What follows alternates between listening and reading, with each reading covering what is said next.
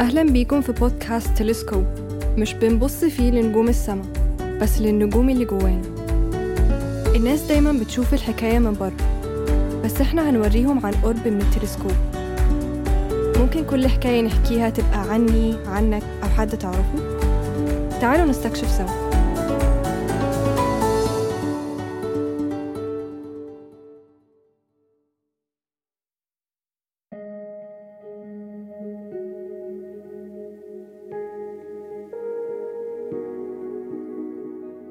المعاملة دي مش هنا يا حبيبتي ريحي دماغك. انت لسه صغيرة مش فاهمة حاجة. هما إزاي سايبينك كده؟ كلام كتير من ده بنسمعه لما نكون في مكان مش شبهنا. مش واعي لحاجات كتير هي من حقه وعادي يطلب بيها. لمجرد بس إنه للأسف اتعود على ده. أنا نسيت أعرفكم بنفسي. أنا زينب طالبة في كلية الحقوق جامعة القاهرة عندي عشرين سنة. حابة أتكلم معاكم في موضوع دايما وطول الوقت أغلبنا بنفكر فيه وبنسأل نفسنا آه هو أنا مين؟ كلنا بتعدي علينا الفترة دي لما بنتنقل من مكان لمكان من شغل لشغل أو من بيت لبيت لما بنلاقي حاجة إحنا متعودين عليها ممكن عادي يحصل عكسها أو مش دايما هي الصح كنت بسأل نفسي أنا مين؟ الشخصية الجميلة الشجاعة ليها دماغها وأسلوبها ولا الشخصية اللي المفروض تبقى عليها عشان غيرها كانوا كده؟ وكلنا عادي نبقى شبه بعض. أنا كبرت في مكان كان ليه الفضل عليا علمني وفهمني وخلاني أتعامل مع ناس كتير وأبني شخصيتي وأسلوبي وحدودي والقيم بتاعتي. بس مجرد ما بخرج منه أنا شخص تاني بتعامل بأسلوب مختلف في الشارع وفي البيت. لأن الناس ما كانتش فهماني وطول الوقت أنا بالنسبة لهم غلط.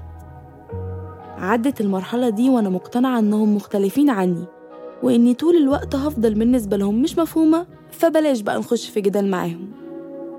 بعدها بفترة ركزت في تطوير المهني وعرفت عن العمل الكريم والمواصفات اللي أحب تبقى موجودة في الشغل سواء في التعامل والأسلوب والقيم. اشتغلت في مكان التدريب وكانت فترة لطيفة جدا لأن اللي كان بيبنيه فينا هو موجود فعلا مفيش تناقض. خلصت فترة التدريب يلا نخرج برا بقى. لا مش ده اللي اتعلمته أو المفروض يبقى موجود. اكتشفت أسلوب تاني. انت عبد ذليل جاي تشتغل بتاخد فلوس هتعترض؟ امشي. في قيود كتير. أسلوبي اتغير. مش عارفة أتعامل في البيئة اللي أنا فيها. بطلع غريبة قوي وبيتقال لي مش هنا يا حبيبتي اللي انت بتقولي عليه ده. طيب وبعدين؟ أمال فين ممكن أعبر عن رأيي وأفكاري وأبقى مسموعة؟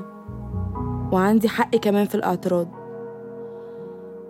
دلوقتي بفكر طيب هو أنا المفروض أزرع اللي اتعلمته ولا أسيب أي مكان مش شبهي؟ برا عالم تاني. عالم مش شرط يبقى عارف اللي أنا عارفاه وممكن أنا كمان معرفش حاجات كتير لسه.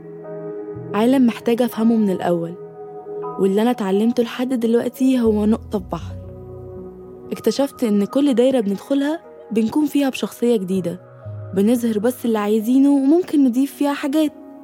وعرفت إن ساعات في حوارات بيكون فيها السكوت أحسن.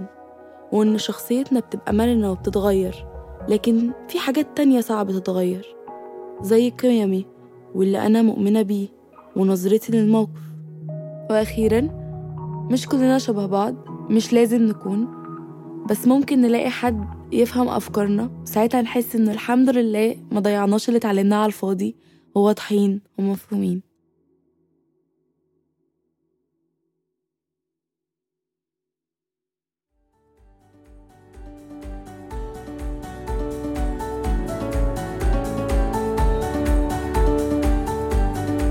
شكرا على استماعكم للحلقة.